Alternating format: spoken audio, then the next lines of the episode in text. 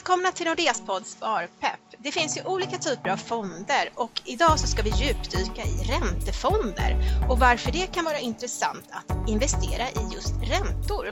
Jag säger välkommen till Per Jansson och Wilhelm Hultgren. Tackar, tackar. Tack så mycket.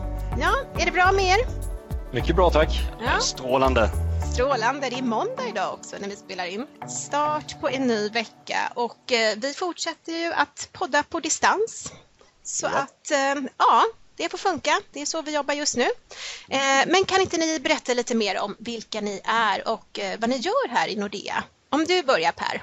Ja, absolut. Jag heter Per Jansson och jag har jobbat i Nordea nu i 16 år och eh, nu de senaste 10 åren, 11 åren så har jag faktiskt suttit i det svenska ränteteamet där jag tillsammans med mina kollegor förvaltar svenska räntefonder och min huvudsakliga arbetsuppgift är att förvalta de korta obligationsfonderna, det som tidigare hette penningmarknadsfonder. Jag jobbar dagligen med räntor i mm. den bemärkelsen. Okej, och du Wilhelm, vad gör du om dagarna? Jo, jag jobbar som senior investeringsrådgivare på Nordea och dagligen pratar jag med Nordeas kunder om investeringar i räntefonder. Främst jobbar jag med stora bolag men arbetar även med stiftelser och kommuner. Och det som, principen är exakt densamma oavsett om du är småsparare eller stort börsbolag när du investerar i räntor. Du lyssnar på Nordeas podd Sparpepp. Vi bjuder in intressanta gäster som pratar om privatekonomi, sparande och investeringar med ett nytt avsnitt varannan måndag. Prenumerera gärna på Sparpepp i din podcastapp så missar du inga nya avsnitt. Och nu tillbaka till dagens avsnitt. Vad är en räntefond egentligen? Ja, jag kan börja där. Jag kan säga att en räntefond är ett alternativ till att placera på aktiemarknaden. Eh, det är så att en räntefond är ofta okorrelerad med börsen vilket gör räntefonder generellt sett har en lägre risk. Eh, sen finns det olika typer då av olika räntepapper eh, och löptider och emittenter och sånt. Precis, och det är ju faktiskt nästa fråga. Vad finns det för olika typer av räntefonder? Ja, framförallt så kan jag säga det, det är, finns ju olika räntefonder baserade då på om det är korta räntefonder, långa räntefonder, företagsobligationer, realräntefonder, olika valutor och framförallt då det som jag tror att det är väldigt många som tittar på det är just det här med riskprofiler, alltså olika riskfonder. Det finns ju sådana som har väldigt låg risk men sen samtidigt då finns sådana som har väldigt hög risk, det som kallas high yield-fonder eh, i den här bemärkelsen. Mm. Jag kan väl få eh, fylla i, vad är en räntefond egentligen? Vad består den av? Jo, en räntefond investerar egentligen och köper skulder från stat eh, och företag. Så egentligen det man investerar i, i räntefond är en samling av lån till företag och stater. Så egentligen det en räntefond är, det är att man investerar i en stor skål med olika lån som man då är med investerar i via räntefonden. Så det är det egentligen som är greppet för en räntefond där en, flera investerare investerar tillsammans i en skål med lån helt enkelt. Mm, mm, stämmer, exakt. Ja, men det var jättebra förklarat. Men om ni lite mer kort skulle berätta hur, hur det funkar? Ja, hur det fungerar, det är ju så att, lite som Wilhelm var inne på där, att det är en skål med olika räntebaserade papper. Eh, och det är så att vi vi kan ta det på ett ganska enkelt sätt. Om du lånar ut 100 kronor till mig och börsen faller ett par dagar senare så kan vi fråga hur mycket är jag skyldig dig? Eh, och hur mycket ska jag betala tillbaka i ränta? Eh, det vi har kommit överens om är framför allt att vi har upprättat ett skuldebrev. Det vill säga att jag vet ju att jag är skyldig dig 100 kronor och sen så vet vi då räntan. Då. Så att en räntefond är lite oberoende av hur aktiemarknaden går. Så vi vet ju då att vi ska betala tillbaka den här skulden som, som jag har till dig. Så att det är på ett ganska enkelt förklarat hur man ser på en räntefond. Och I det här fallet så har vi då massa olika innehav i massa olika emittenter, det vill säga utgivare av olika räntebärande papper. Det kan vara korta papper och det kan vara långa papper. Eh, så att, eh, och det kan vara företagsobligationer och det kan vara statsobligationer och eh, bostadsobligationer. Så det, det, det är som en stor, stor korg med massa olika innehav. Mm.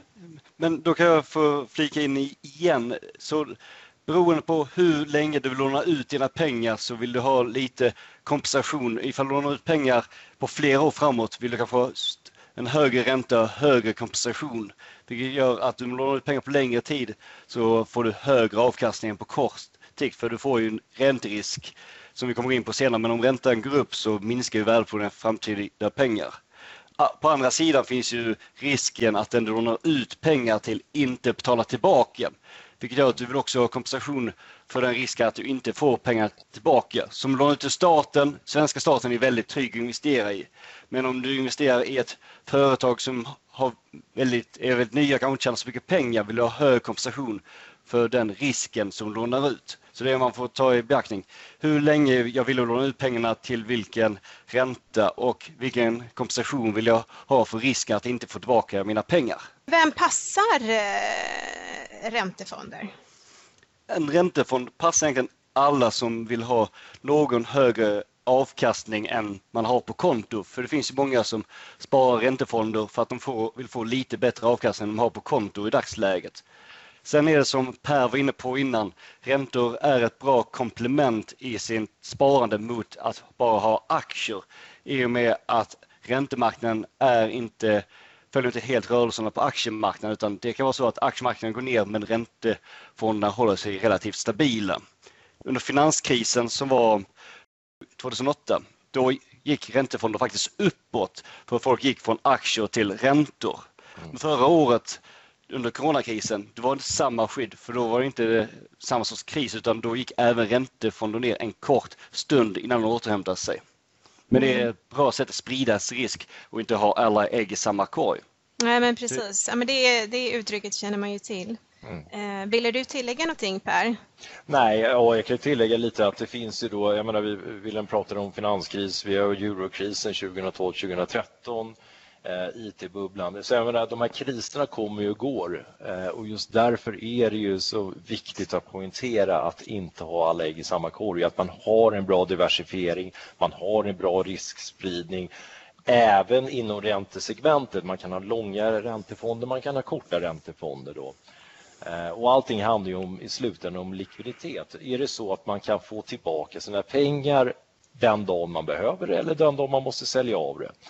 Eh, jag menar, I värsta fall så är det ju tyvärr så att om du har köpt en aktiefond och aktiemarknaden rasar eh, då kanske ditt värde har gått ner betydligt. Eh, och då är ju frågan då, var det en bra investering? Det kanske var bättre att man fick en lite lägre avkastning totalt sett om man nu hade kombinerat en bra portfölj i form av lite räntor, korta räntefonder, lite långa räntefonder och aktier. Man ska inte ha allting eh, ett segment utan man ska ha en bra fördelning mellan de olika tillgångsslagen. Jag tror att det är det som är jätteviktigt för oss att tänka på. Då är det ju alltid så också att det kanske kan finnas någon positiv psykologisk effekt att eh, ha räntor eh, Absolut, absolut, absolut. Mm. Visst är det. Jag menar, den psykologiska effekten är ju då att man ska kunna sova gott om nätter och man ska kunna känna sig lite lugn då när, om nu det börjar bli skakigt. Jag menar, bara för ett år sedan, jag menar, i mars, februari, mars, april förra året när pandemin slog ut så blev det ju som William var inne på där en väldigt stökig marknad. Aktiemarknaden föll, räntemarknaden gick tillbaka. Eh,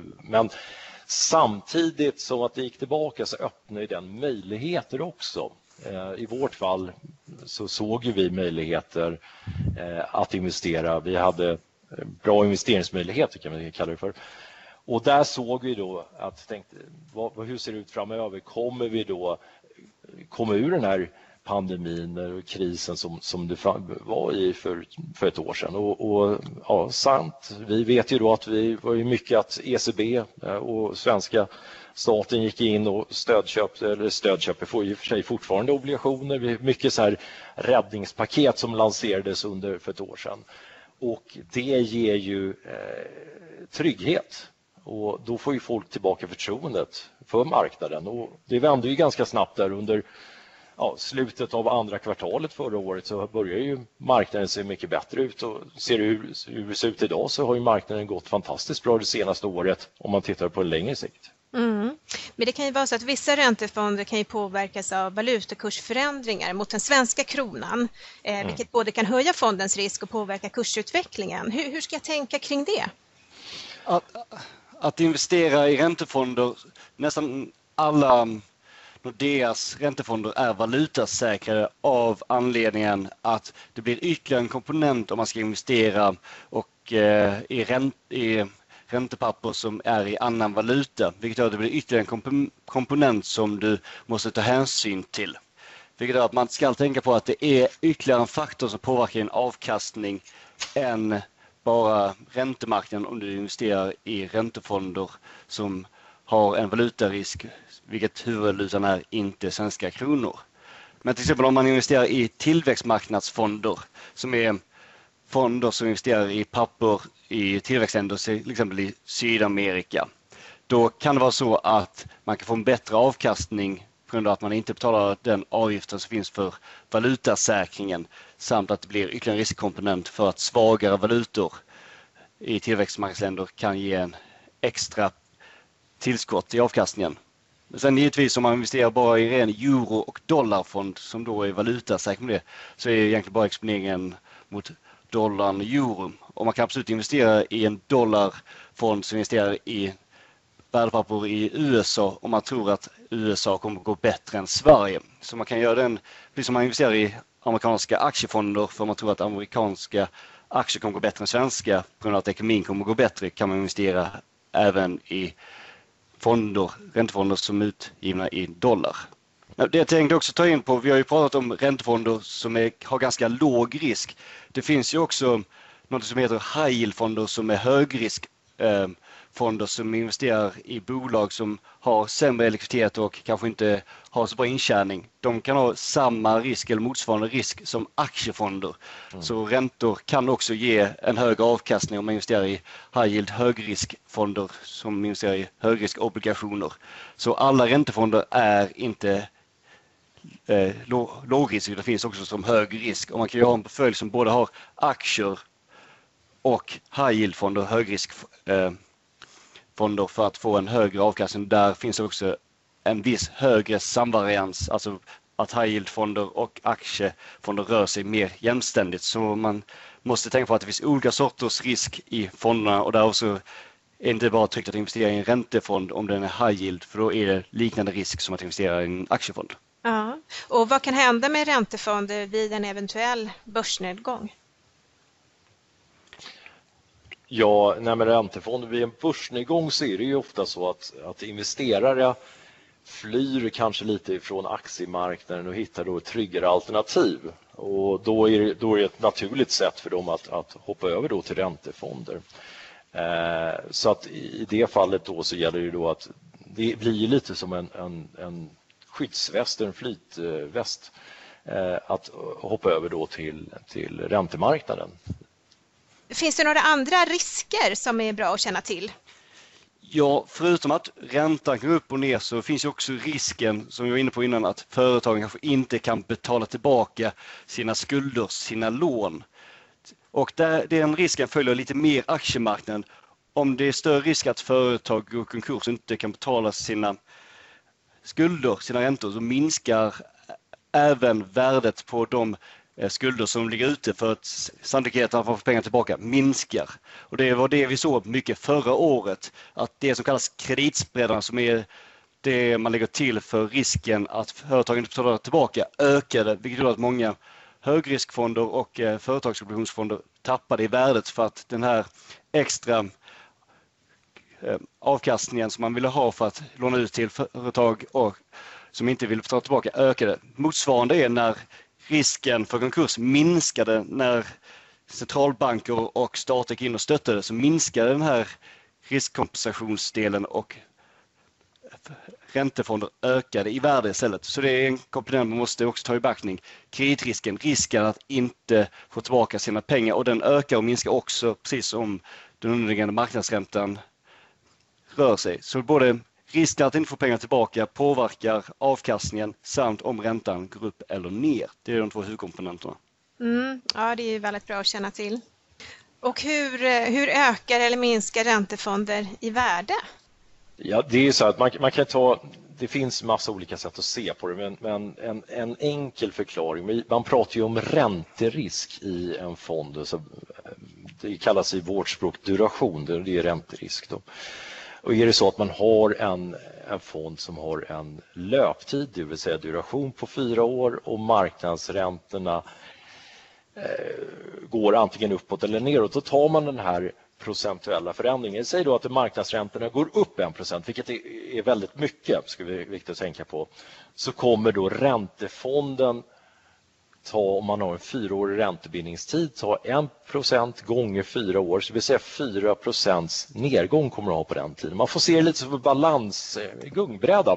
Å ena sidan så har du priset och å andra sidan så har du eh, räntan. Och så samtidigt, vi har under det här senaste året när i mars, ja, mars förra året då, så, så, var det ju då väldigt stökigt men sen så kom ju alla de här stödpaketen och det resulterade i då att, att räntorna föll tillbaka ganska kraftigt vilket gör då att priset på obligationerna ökar vilket har gjort då en väldigt positiv avkastning eh, på de här räntefonderna som, som vi har haft och framförallt de som har lite längre löptid också.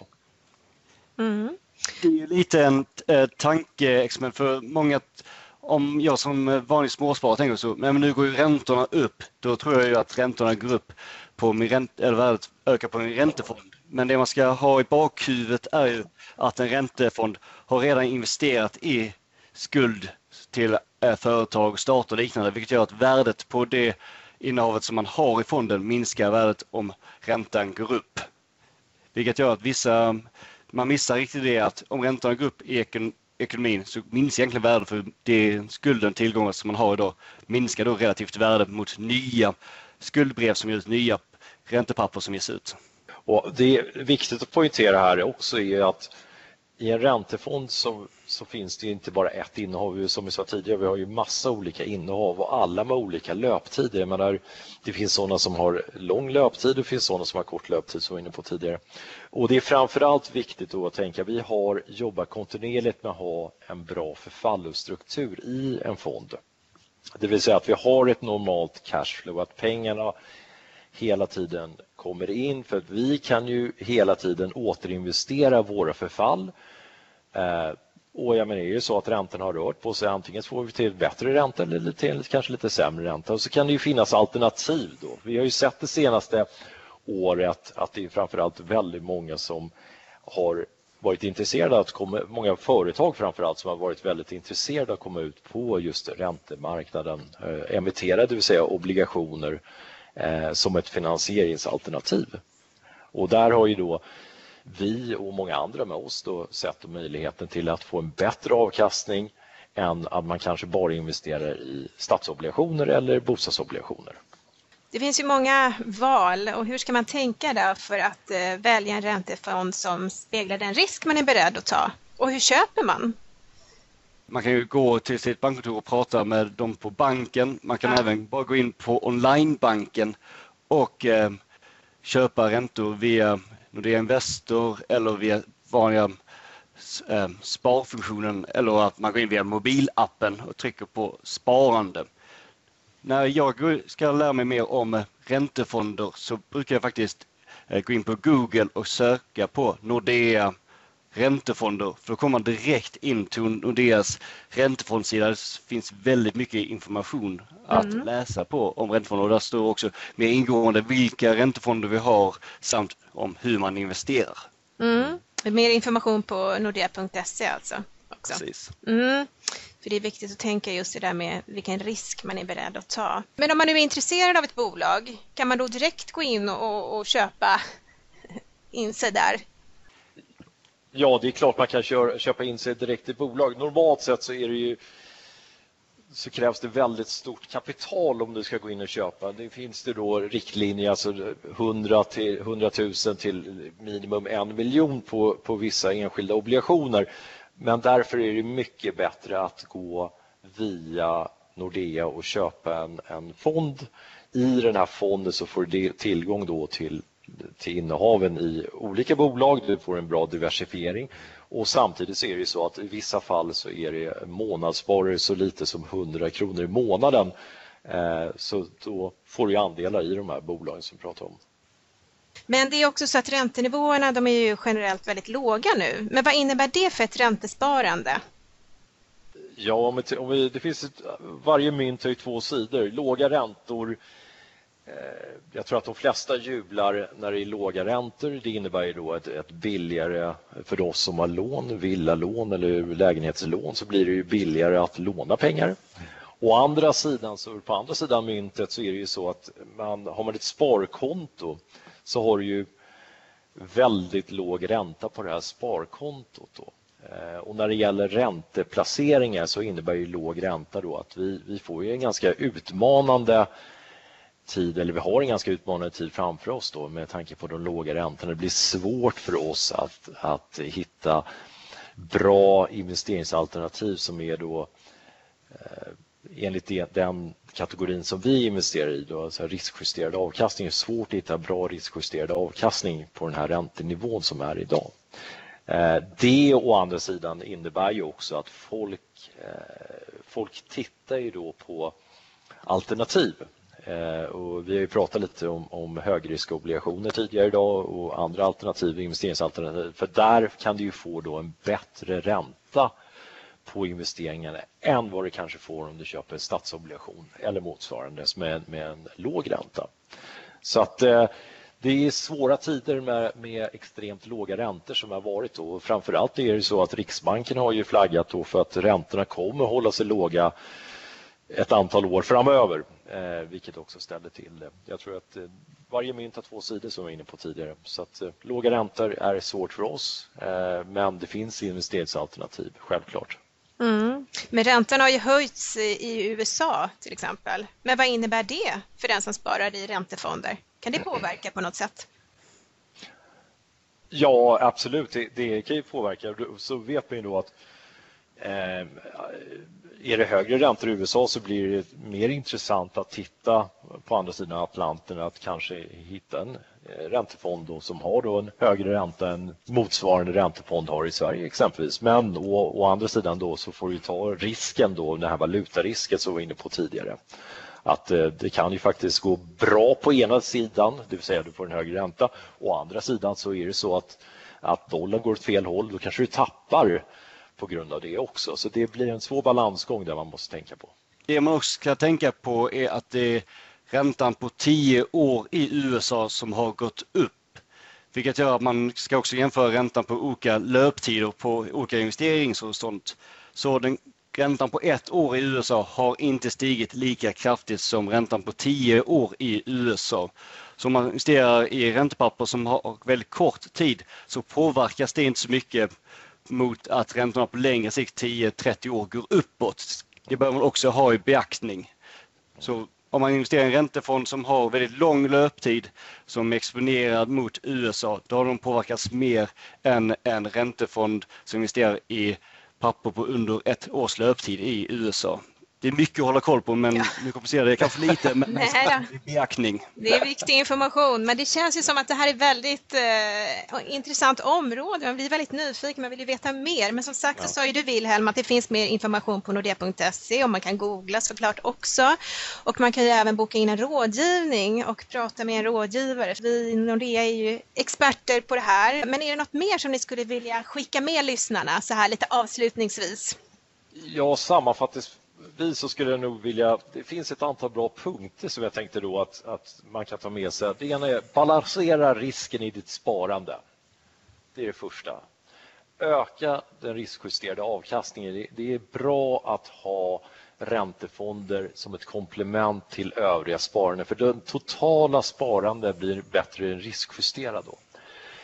Eh, minska risken om det är så att man blir, ju äldre man blir, man kanske ska fundera på att gå i pension eller man kanske ska spara pengar till något speciellt, då ska man försöka dra ner eh, den totala risken om man vet att man ska ha pengarna till ett speciellt ändamål. Eh, och, och framförallt då ha pengarna på, på, lite kortare sikt där. Att man, man, man tänker på att är det så att jag behöver pengarna inom ett halvår exempelvis, att man har pengarna då i fonder med mycket lägre risk än exempelvis långa obligationsfonder eller aktiefonder.